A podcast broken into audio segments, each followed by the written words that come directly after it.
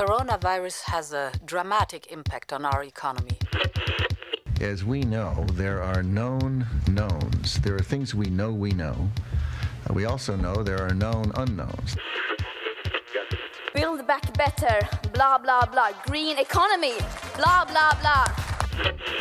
In diesem Sinne kann ich sagen, ja, äh, wir sollten alle Feministen sein. This footage from Al Jazeera purporting to show Taliban fighters inside the presidential palace declaring the Islamic Emirate of Afghanistan. I have a peculiar medical condition, which is that I don't sweat. I think it's a filter. It, And the- it is, and I don't know how to remove it. Not, I'm not a cat.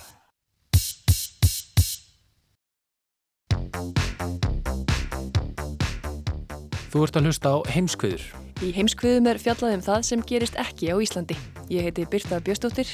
og ég heiti Guðmundur Björn Þorbjörnsson.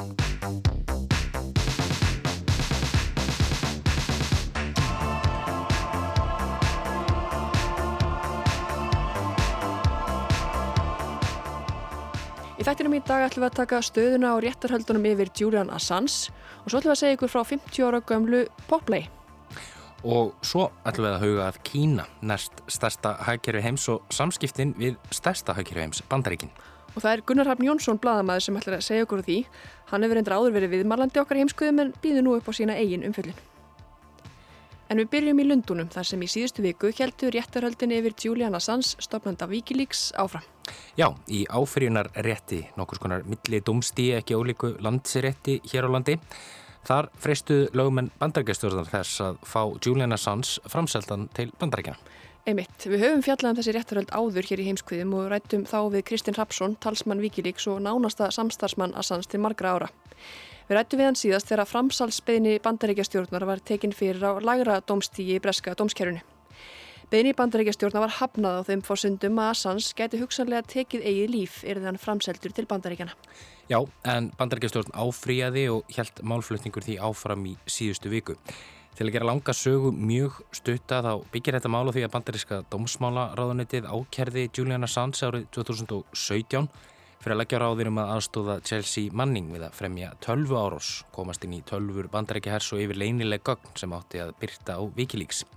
Í april 2019 eh, bættust svo við 17 ákerur við þetta ákeru skjál og verði Assange fundin segur og yrðan framseldur til bandarækjana geta nátt yfir höfði sér alltaf 135 ára fangilsi. Bjartmar Ottur Þeir Aleksandarsson, bladamaður stundarinnar, hann var viðstattur málflutningin í síðustu viku í Lundunum en greinaskrif hans í stundinni komu þar meðal annars til tals. Ég settist niður með Bjartmar í vikunni og við fórum yfir hvað fór þarna fram. Bandarækjumenn sem þetta raun og veru heldur sig áfram við sama málflutning og þau gerðu í undirrétti. Það var að, að engin uh, einstaklingu sem hefur verið framseldur frá Breilandi til bandarækjana hafi frami sjálfsmóri bandarísku fangilsi og töldu þar að leiðandi að það veri örugt að hann myndi fara í bandarískt fangilsi. E, setna var að þeir byrju ítalega ráðast á geðlæknin sem að gerði matið á uh, Julian Assange og töldu það í raun og veru rámt, töldu að þetta væri persónlegu vinur hans og þess aftar. Uh, raun og veru bara svona, svo geta svona, já, við skulum orða smýrkampæn mm -hmm. að ráðast á hans uh, í raun og veru mentun og vinskap, veru tengjar og svona mikið vinskap hans við Julian Assange. Uh, það sem kom mér verið óvart var að þegar bandaríski sæksóknara fóru fram og sögðu að hann myndi aldrei fremja sjálfsmöður bandarísku fangilsu vegna þess að hann ætti núna unnust og tvö börn og eins og bara aldrei í söguna hafi nokkuð tíman fjölskyldum maður fram með sjálfsmál þannig að mér fannst það svona mjög furðulegt saman málflutningur. Já, verður það ekki að segjast að þetta er ansi skrítin rauksandafæsla? Jú, það er ljóst að bandarækistjón sækir mjög fasta því að fá Assans framseldan og að sögn Bjartmars grófu undan málflutningi lögmanna hans en svo daginn eftir þá tóku lögmenn Assans til máls og þar kendi Ímis að grasa.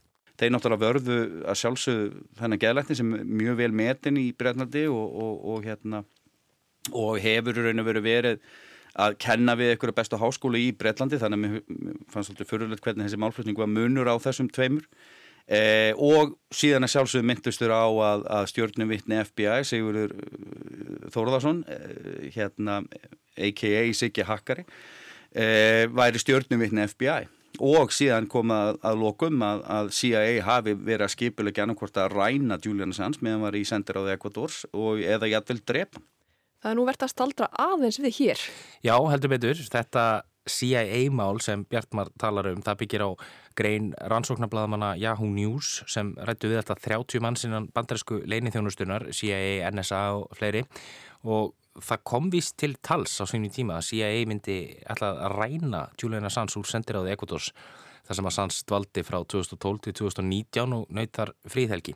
Ef það myndi reyna að flýja þá ætli þeir að bara skjóta samkvæmt þessari frétt Yahoo News. Þetta fór á ákveð stig en lögfræðingar í kvítahúsinu þeir slögtu nú á þessu og bentu, bentu CIA á að þetta væri ólöglegt að drepa einstakling á þennan hatt og þannig að séur í öðru ríki En það voru einhver samskipti milli breyta og, og bandaríkjana um, um já, hvernig breytar getur mögulega aðstóðað bandarískuleginu þjónustuna við að ná Assange ef hann myndir reyna að flýja. Og svo er það aðkoma áður nefnt Sigurðar Inga Þórðarssona sem bandaríkja stjórna ætlar að stilla upp sem líkilvittni. En það er nefnilega eins og Assange hafi einn deilt leinilegum skjölum. Ég meina stórir fjölmjölar að borðið New York Times og Washington Post gerða líka. Er það ekki hægt að ákjara þau líka? Já, nú verist einmitt allt snúast um að sannfara dómara um, já, akkurat það að, að Sands, hann sé ekki bladamæður, hann sé fremur tölvuþrótur eða hakkari og, og, og komast hann í framhjá því að þurfa að ákjara, já, alltaf þessa fjölmila sem, sem deldu þessum upplýsingum á sín tíma.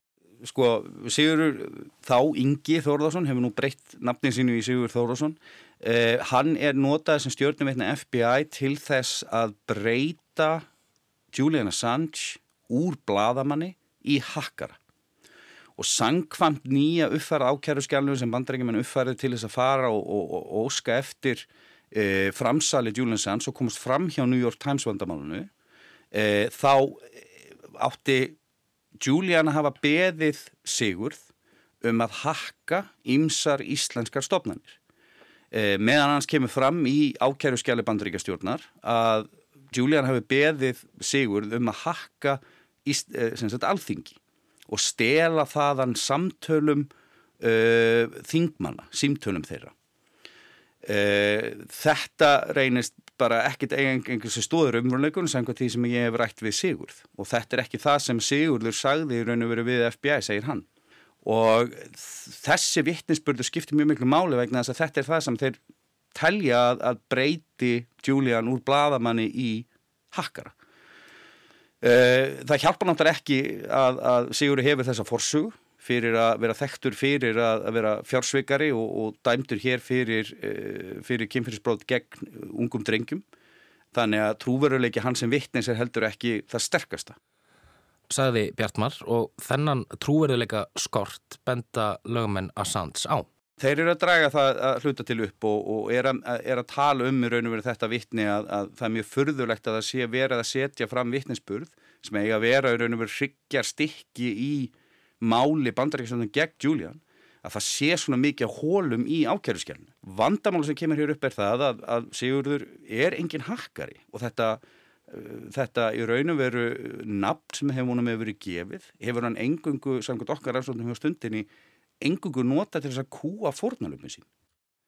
Í grein stundarinnar um þetta mál sem að lögmennarsans stuttust við, þar kemur meðal annars fram að Sigurður hafi meðal annars stört aðstóð við að koma myndbandi úr farsíma sem kannski, já, alvöru hakkarar ættu að kunna og þá ber að hafa í huga að Sigurður er í fangelsi á Íslandi og hafa lögmennarsans bent á það að vitnalegslir yfir honum getur því verið nokkuð snúnar þetta er ekki sérstaklega stert mál sem bandaríkjastjórn hafa lagalega og þeir löffrænga sem ég rætti við úti og, og voru viðstættir réttarhöldin e, sögðum þetta þetta væri mjög vandaralt fyrir bandaríkja saksóttana að þurfa að fara með svona mál vegna þess að, að ef að það kemur sig að þeir ná á einhvernum ótrúnum máta að, að, fá hann framseltan frá Breitlandi að hvernig eiga er að gera þetta sko í bandaríkunum meðan annars núna Sigurður inn á litlarhraunni er sem sagt býður núna ákæru fór lögurinn á höfuborgarsvæðinu vegna fjársvika. Þannig að mögulega verður þegar loksins réttuhaldi verið í bandaríkjum þá verður mögulega aðal stjórnum vittna FBI í, í íslensku fangelsi.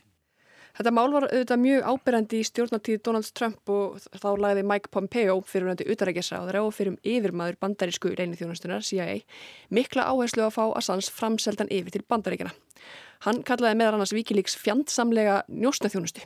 Emitt og ég spurði Bjartmar um það hvort að þetta hafi eitthvað breyst eftir að, eftir að Joe Biden tók við í kvítahúsinu.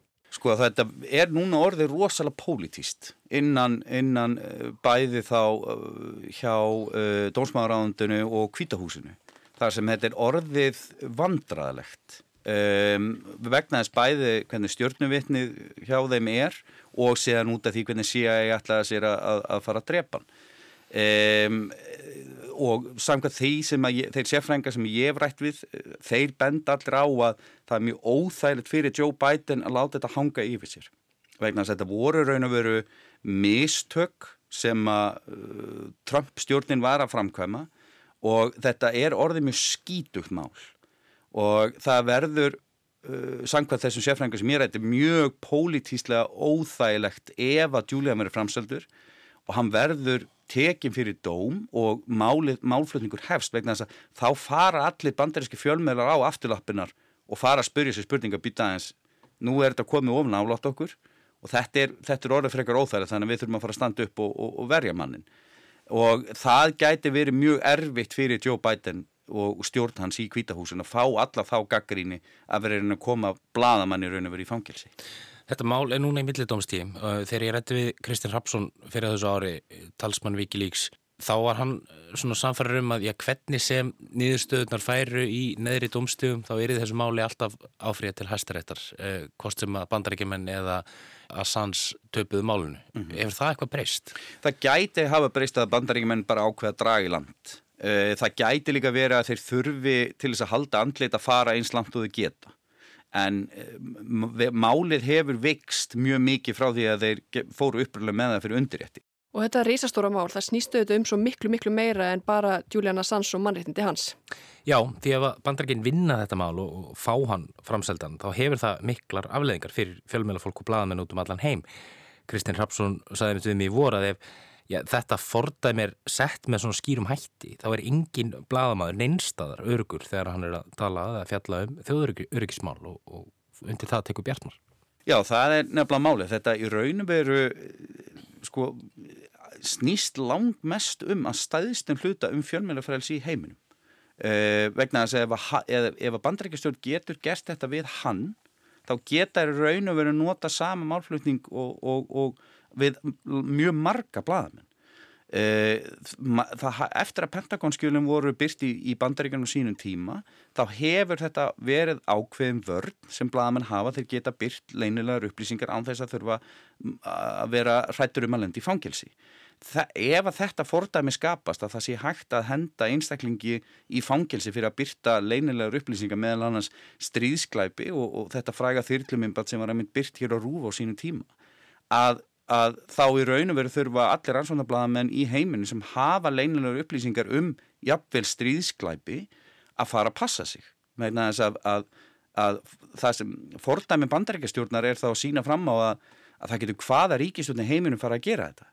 Og það er mjög slemt ef, ef við verum að horfa bara í mörgum ríkjum þar sem mögulega einræðsherrar eru til staðar að þeir geta þá bara afsækjur og sagt, heyrðu, mesta líðræði heiminu bandaríkinum, þeir eru að læsa sína blæða með við ætlum líka að gera það líka.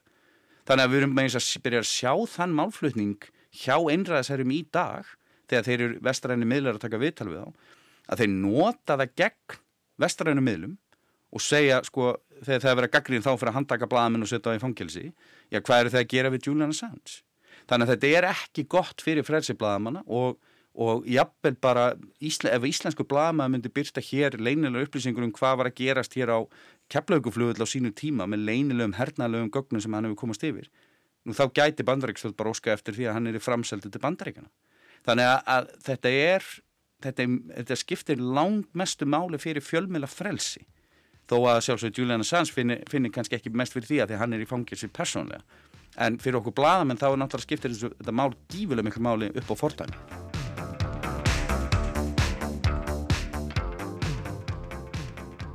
og frá Breitlandi höldum við til Bandaríkjana. Við ætlum að fjalla núna um lægið American Pie eftir Don McLean, lag sem varð 50 ára á dögunum. Lægið er langt og tilur meirinn 8 mínútur. Tekstinn við lægið hefur valdið vangaveltum í marga áratvíi. Höfundurinn hefur á móti verið spara á ítalegar útskýringar á við hvað og hverja er átt í tekstanum. Höfundurinn, Don McLean, elskar lægið sitt samt jafn heitt og hann gerði þegar hann samtið það fyrir hálfri öld og ætlar í tónleikaferðalaga á næsta ári til að fagna tímamótunum. Along Já, það er nú orðið svolítið langt síðan. Heil 50 ár til að gæta nákvæmni síðan þetta lag kom út. American Pie eftir Don McLean.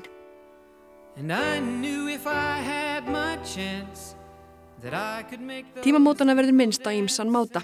Bæði allar McLean sem ennir í fullu fjöri að fara í tónleikaferðalega á nýju ári. Og svo hefur verið að gera heimildamind það sem ringt verður í textalagsins meðal annars og einnig hefur verið að skrifa badnabók sem segir frá dreng sem er að bera út blöð og ákveður að breyta heiminum með tónlist sinni. But February made me shiver with every paper I deliver Bad news on the doorstep I couldn't take one more step McLean segir að sér hefði alltaf fótt væntum Amerikan Pie. Í viðtali vegna tímamótana kallaði hann þá Bjána, tónlistamennina sem telja það ægilega þungan kross að bera að eiga útrúlega vinsett lag. Í þessum erfiða bransa sem tónlistaheimurinn sé ættu allir að vera þakkláttir fyrir hvaða upphefð sem býðst. McLean saðist þó enn jafn undrandi á vinseldum lagsins. Það hefur margsins verið valið eitt af bestu lögum síðastliðinar aldar. Það komi honum enna óvart að fólk hafi skilið lægið, tengt við tekstan og haldið merkjum þessar lofti svona lengi. Það fyllir hann bæði undrun og þakklæti. Og lægið er vinsælt að hefur í raun veriða alla tíð. Fjölmarkir tónlistamenn hafa tekið lægið upp á sína arma.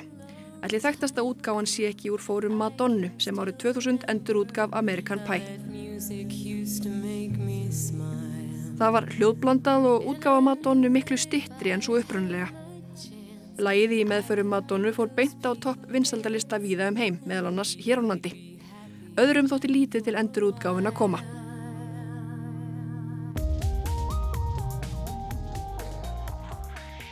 Í gagrinni tónlistartímaritsins NME var lægi kallað léleg karaoke útgáfa og happi rósaði við því að Madonna hefði ekki sungið allt lægið hans maklín.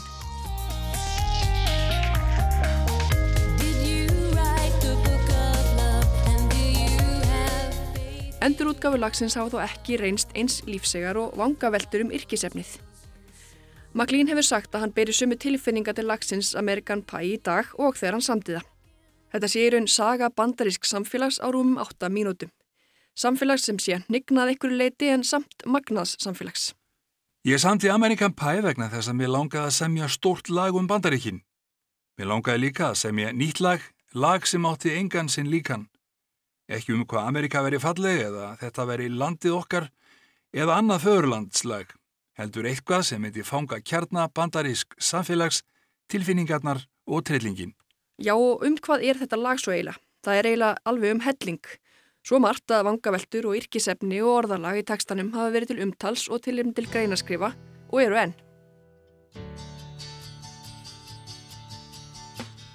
Vietnamstríðið, Bob Dylan, Elvis Presley, John F. Kennedy, Janis Joplin, Mick Jagger, Joan Baez, Martin Luther King, Charles Manson, Hells Angels, Bítlarnir, Eidulif, Guð og Djúvillin sjálfur eru meðal þeirra sem getspakir hafa lesið út úr að orð síðum í tekstanum. Og þá eru ótaldir þeir sem beilinnis eru þar nefndir á nafn, James Dean, Karl Marx, Lenin og svona til að nefna einhverja.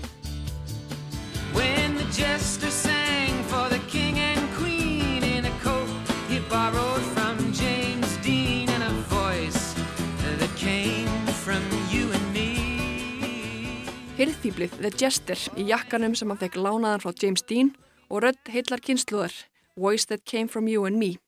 Þetta ávist að vera Bob Dylan. Hinn fámáli Nobelsvelna hafi Dylan var meira svoni spurður út í þetta. Hirðfýblið? Já, já, hirðfýblið sem semur lög á borðið A Hard Rain's Are Gonna Fall.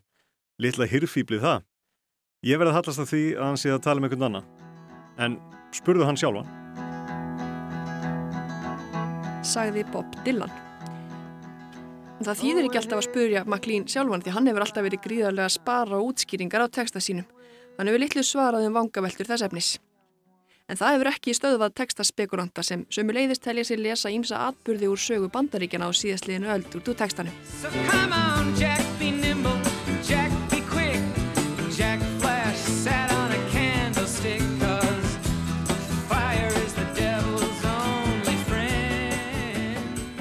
Þannig þykir sömu texta sérfræðingum líklegt að textin Jack be nimble, Jack be quick eigi við kúpudeilu John F. Kennedy og örlög morðingja sama bandarækjafósita síður svo yrkisefnið í línunum The courtroom was adjourned, no verdict was returned og svona mætti lengi telja. Og svo er það dagurinn sem tónlistin dó. But February made me shiver With every paper I deliver Bad news on the doorstep I couldn't take one more step McLean rifjar upp þegar hann var 13 ára þann 3. februar 1959. Hann var að bera át blöð og lesa á forsíðinu um slísið sem síðar var kallað dagurinn sem tónlistin dó.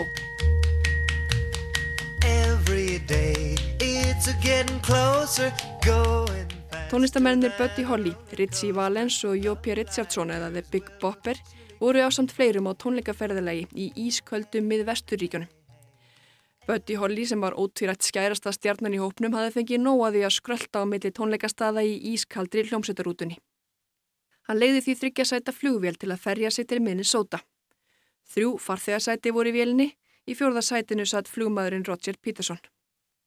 Buddy Holly treyði sér eitt sætana og ætlaði hinn öðrum hljómsveitamæðlum sínum. Í öðru sætinu átti Waylon Jennings að sitja. Richardson eða Big Bopper sem var með þeim á tónleikaferðalagi var eins vegar nokkuð illa haldin af flensu, svo Jennings eftirlétunum sitt sæti. Í þriða sætinu ætlaði Tommy Alsup að sitja. Hinn ungi og upprennandi Ritchie Valens var einnig áhuga saman um að sleppa við rútuferna og fekk Alsup til að kasta upp á flugvelasæti sitt. Alsup tapaði sætinu í peningakastinu og hinn átjónara Valens fekk sætið.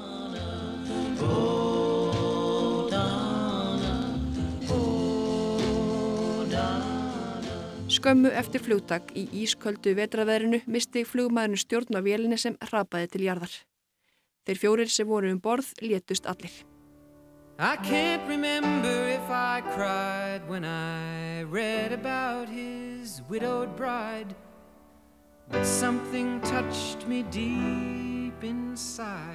The day the music died Ekkjan sem McLean syngur um í læginu heitir Maria Elena Holly. Hún hafði gengið eiga Buddy Holly hálfu ári fyrir flugslýsið og var komin sex mánuði á leið.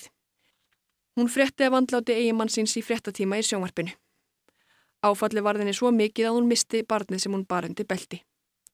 McLean tilengaði Buddy Holly plötuna American Pie. Every day it's getting faster Everyone said go ahead and ask her Love like yours will Ég nefndi áðan að Maklín hefur búið einhverjar frekar upplýsingar um yrkisefni sín í heimildamindinni sem er vantanleg. Það lítur allavega að teljast nokkuð góður árangur að semja texta sem hálfri öll síðar er enn verið að reyna að leggja út af á ímsa vegu. Kanski hefur þessi dölúð valdið vinsaldur lagsins að einhverju leiti. Upprunlega handskrifaða handritið af textanum seldist á uppbóði fyrir 1,2 miljón dólar árið 2015. Handritinu fylgdu glósur sem áttu að staðfesta einhverjar af vangaveltunum um yrkisefni maklín. Meðal þessum glósurna staðfestu er að dagurinn sem tónlistinn dó á ekki engöngu við daginn þegar tónlistamennir þrýr fórust í flugslýsi á samt flugmanni sínu. Í viðlæginu er einni átt við atbyrð sem gerðist tíu árum síðar á tónlistarháttiðinu Altamont Speedway Free.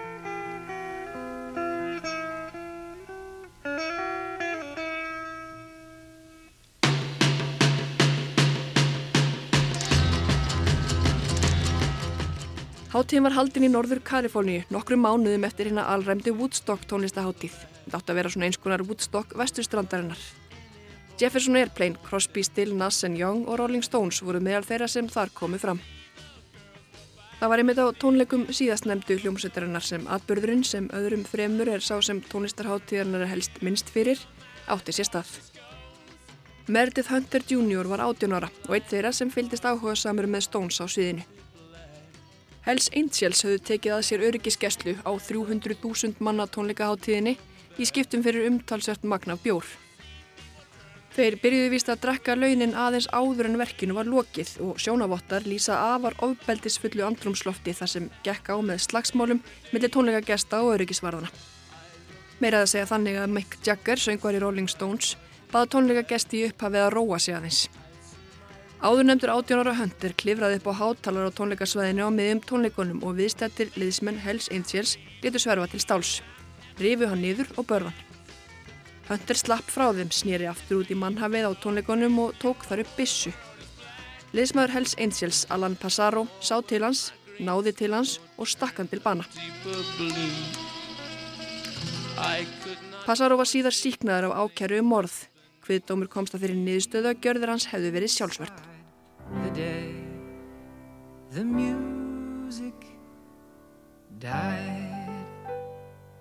Nú veit ég ekki hlustandi góður hvað þú hugsar næst þegar þú hlýðir á American Pie. Hugsar um unga mannin sem var stungið til bana á tónleikum Rolling Stones, hugsar um Bob Dylan eða dánardag tónlistarinnar eða bara eitthvað allt annað.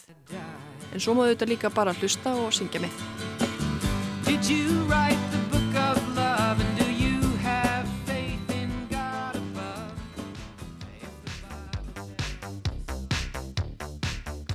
Stórveldin Kína og Bandaríkin hafa lengi eldað grátt silfur saman. Ríkin búa nú yfir tveimur stærstu hagkjörum heims og vilja bæði vera aðal. Stjórnarfar í löndunum tveimur byggir á afar ólíkri hugmyndafræði og bandaríski stjórnmálafræðingurinn John Mearsheimer er eitt þeirra sem telur að nýtt kallt stríð segir auðvun skollið á milli ríkina tveggja og það sé hatramara en hitt fyrra kalda stríð sem við þekkjum svo vel. Gunnar Hafn Jónsson kynnti sér kenningar Mírsheimers og stöðuna í þessu nýja kaldastríði. Gunnar Hafn tekur nú við. Það hefur vart farið fram hjá mörgum að kynverk stjórnvöld eru orðin fyrirferðameiri og ágengari á alþjóð og vettvangi en áður. Valdatíð Xi Jinping á síðustu árum hefur einkennst af aðgangsharðari utanriki og jafnvel augrunum. Það vakti til dæmis aðtekli í sumar þegar kínverska sendiráðið í Reykjavík sendi frá sér harðorða yfirleysingu til að mótmæla meintum legum og yfirgangi Íslands og annara vestrætna ríkja. Ísland hefur meðal annars tekið þátt í refsi aðgerðum Evrupusambandsríkjana gegn kínverskum ráðamannum vegna ásakana um mannréttindabrót. Í yfirleysingunni segir meðal annars Kína mun af festu verja fullveldi sitt öryggi og þróunar hagsmunni við krefjumst þess að Ísland síni raunverulega virðingu fyrir fullveldi Kína, öryggi og þróunar hagsmunum þess og hætti afskiptum af innanríkismálum Kína undir yfirskinni mannréttindamála. Sveipuð bref hafa borist sendir á þum landa um allan heim sem mótmála stefnu kínverja. Gefin hefur verið út dagskipun um að svara fullum hálsi í hvert sinn sem einhver gaggrínir kínversk stjórnvöld og kínverska utanríkisráðuneytið minnir í sífellu á misgamlar syndir vesturveldana og sakar þau um hræstni. Ríkis fjölmennar í Kína fóru til dæmis mikinn þegar Donald Trump fekk minnilhuta atkvæða en varð samt fórseti. Það þótti ekki til marksum líðræði sem væri í hávegum haft eða upp á marga fiska. Þá hafa fréttir af óerðum og kynþáttahatri vestanhafs verið settar í samhengi við gaggrinni á kynverst stjórnarfar. Skilabóðin eru að Vesturlanda búareigið alveg nómið sig og ættu því ekki að skipta sér af því hvernig kynverjar hægi hlutunum heima fyrir.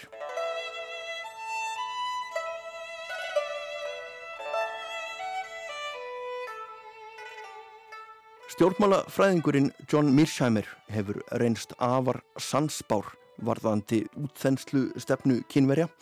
Hann spáði því fyrir meirinn tveimur áratugum að Kína erði komið í stöðu til að byrja að ókna yfirbörðum og hagsmunum bandaríkjana um árið 2020. Þá fyrst færi heimurinn að sjá raunverulegar framtíðar áallanir kínverskra ráðamanna í framkvæmt. Mirsheimer segir ráðamenn í Peking hafa gert sér góðan mat úr umtalaðri hræstni vesturveldana. Það sé ekki stjórnarfarið í Kína eða persónuleiki ráðamanna á borðið Xi Jinping sem valdi út þenslu stefnunni. Heldur sé það kallt hagsmunumat ríkis. In the West, this includes Australia and the United States, most commentators refuse to accept basic realist logic. And they end up defining the behavior of particular leaders in terms of their personality or their ideology. Var þarna að ávarpa fund hugveitunar Center for Independent Studies í Ástralíu. All sorts of people are going to argue that China is aggressive because mm. it's not a democracy. It's not uh, like the United States. My argument is just look at how the United States has behaved. Mirshamir tilerir þeim skóla sem kendur er við realisma eða raunhyggju. Hann hefur skapað sína eigin stefnu innan fræðana sem hann nefnir offensive neorealism. Í stuttu máli lýsir hann samskiptum ríkja og þá sérstaklega stórvelda sem endalausri samkjapni um yfiráðu auðlindir. Í því ljósi telur Mishamir að nýtt kallt stríð sé skollið á nú þegar og verði jafnvel verra en það síðasta. Þessi staða sé að miklu leiti sjálfskaparvíti bandarískra ráðamanna sem hafi sofið á verðinum gangvart Kína áratugum saman. Hann bendir á að kynverjar hafi verið afar fátæk þjóð þegar efnahauksambætur hófust á valdatíð Deng Xiaoping um 1989 eða svo. Um leið var það fjölmennasta ríki heims. And therefore, there was a real danger if we helped China grow economically, given its population advantage, if it became rich, if it became prosperous with all those people, it would be a threat to the United States. In effect, it would be a peer competitor. Mírsjamir segir að með því að örfa hagvöxt í Kína í gegnum frjálsa verslun hafi vesturveldin og þó aðalega bandaríkin tekið verulega áhættu Kína gæti í kraftir stærðar sinnar farið að augra þeim á jafnveldis grundvelli sem var áður óhugsandi. What happened over the course of the 90s and really the first 20 years uh, of this new century is that the United States foolishly pursued a policy of engagement which was designed Hann segir að bandaríkinn og önnur vesturveldi hafi stuðlað að hagvextinum í Kína og vil meina að það hafi verið mistök til lengri tíma litið. Það verður þó að teljast frekar kaldranalegt viðhorf í ljósi þess hversu margar hundruð miljóna hafa sloppið úr fátækt sökum þessa hagvakstar. Hann er ekki kallaður realisti, hann Mirshamir fyrir ekki neitt. Hérna er hann eingönguð einblýna á hagsmunni bandaríkjana en ekki kynverskra ríkisborgara. Alþjóðabankin áætlara frá því að Deng Xiaoping snýri við bladunu á nýjunda áratug síðustu aldar hafi 850 miljónir kynverja sloppið úr sári fátækt. Það er algjört einstæmi í mannkinsögunni. Aldrei áður hefur ríki tekist að bæta lífskjör svo margra þegna sinna á jafn skömmum tíma. Í byrjun nýjunda áratugurins segir Alþjóðabankin að 88% kynverja hafi verið undir viðmeðum um alþjóðleg fátæktarmörk. Í dag eru innan við 1% kynverja undir þessum fátæktarmörkum. Það gerir afar stóran hóp þakkláts fólks sem á um leið allt undir því að hagvöxturinn og stöðuleikin viðhaldist. Kynverska hagkerfið er orðið það næst stærsta að eftir því bandaríska en það fer eftir því hvaða viðmið eru nótuð hvenar nákvæmlega kynverjar eiga vona á því að ná toppsætinu. Það verðist þó fátt geta komið í veg fyrir að svo verði og um leiður yfirvöld að fjárfesta í innviðum og útþenslu og láta til sín taka í alþjóðasamfélaginu í auknum mæli. Bæði skoðanakannanir og orðuræða kynverskra netverja bendir til þess að margir kynverjar vilja að ráðamenn sínir gangi enn lengra ef eitthvað er og flýtir sér að taka fóristu í Östur Asju til að endur heimta áhrif sín í álfunni. Kína hefur jú verið stórveldið og þunga miðjan í asískri menningu og pólitík í gegnum mest alla sína sögu sem spannar þúsundur ára. John Mearsheimer segir það enga spurningu lengur að þeir ætli sér að ná þeirri stöðu aftur á ný. And China is now at a point where it is determined to dominate all of Asia to become a regional hegemon. The United States, of course, and the Australians are bent on preventing China from dominating Asia for good strategic reasons. But the end result of all this is that we're effectively in a new Cold War. We have an intense security competition on our hands, and this is a very dangerous competition. Mirshamir segir að allt sé þetta fullkomlega raugrétt, ráðamenn í Peking vilja ekki hafa bandarækjamenn í sínum bakgarði. From Beijing's point of view, it makes eminently good sense to want to dominate Asia. Þeir vilji vera allráðir í sínu nánasta umhverfi alveg eins og vesturveldin hafa lengi verið í sínu nánasta umhverfi. The Chinese have no interest in having the Americans in their backyard any more than we, the United States, have an interest in having China in our backyard. Mírsjámer er svart sýtn á framhaldið. Þegar tvær stórar górilur eða fylkingar af alþjóða vettvangi mætist sé alltaf hætt við blóðsúthellingum. Ekki sé hægt að bein á milli bandaríkjana og Kína í framtíðinni þegar að hagsmunur þeirra á með þessum hætti. But what we have here is a situation where two gorillas, the Chinese and the Americans, are going to go head to head and in an intense security competition. And there is going to be a serious chance that they end up shooting at each other and that you have a real war between them.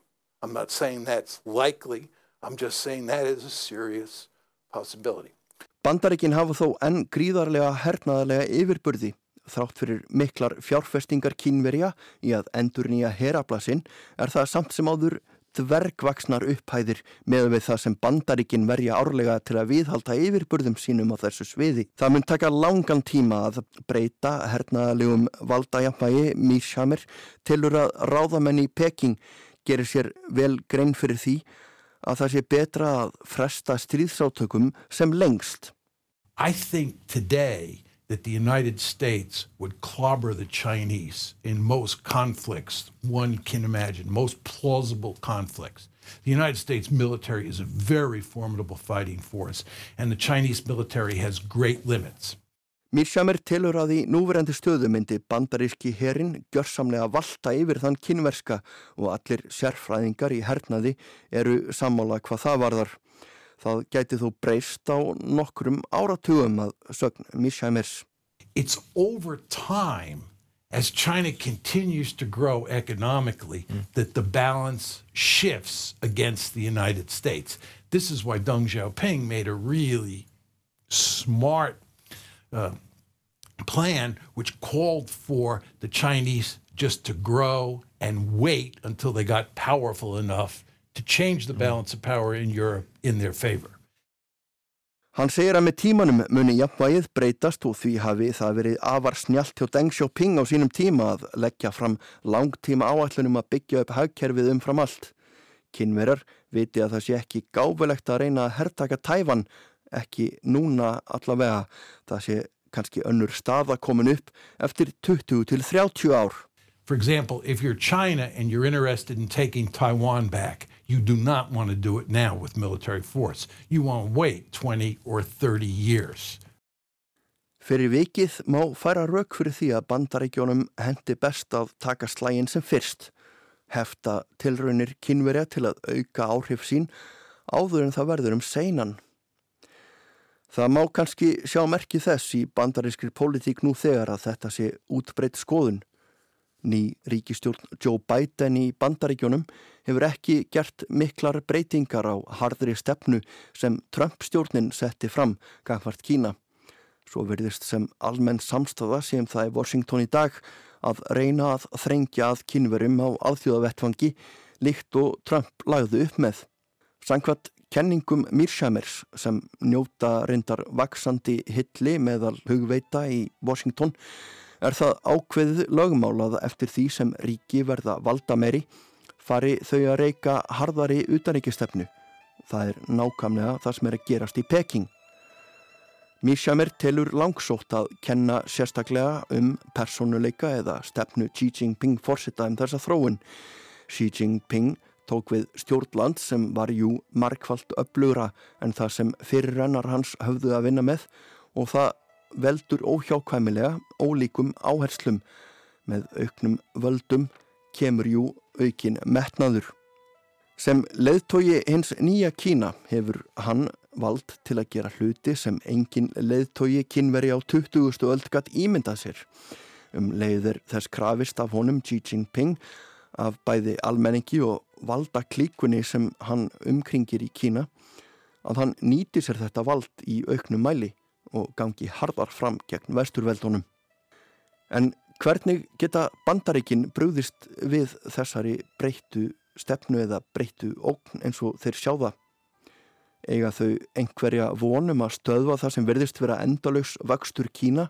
Já, margir hagfræðingar á Vesturlöndum vilja í dag meina að innbyggðir gallar í kínverska hagkerfinu síðu þann munda draga verulega úr hagvextunum til uh, skemmri tíma eða lengri. Aðurir vilja meina að bandaríkinn þurfi að beita sér markvist til að draga úr þessum efnagslega og hernaðilegum áhrifum Kína og það ekki síður en strax þar sem að þeir muni finna allar leiðir til að halda áfram að vaksa. Mírsjámer segir allt benda til þess að bæten stjórnin í bandaríkjónum sem er nýtekin við af Trump stjórninni eftir fjögur ára valdatíð þess muni reyna að byggja bandalag gegn kynverjum í Asíu, í Evrópu og víðsvegar í heiminum. Biden and company will go to great lengths to treat our allies in Asia with real respect and they will do everything they can to cobble together a balancing coalition or an alliance structure that allows us to deal with China, a rising China.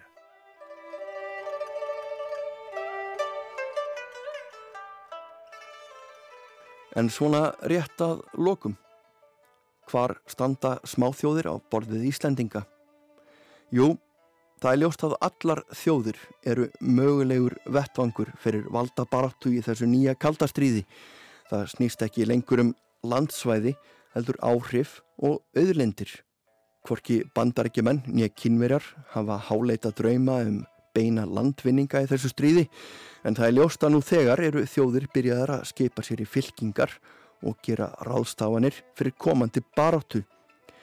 Kína og Bandaríkin verða óneitanlega hinnir tveir stólu pólar heimsins næstu áratúi og hver einasta þjóð mun þurfa að velja sér lið.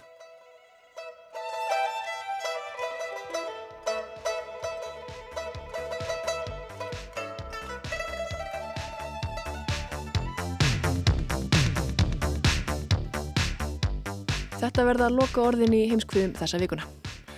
Takk fyrir að hlusta og heyrumst aftur í næstu viku.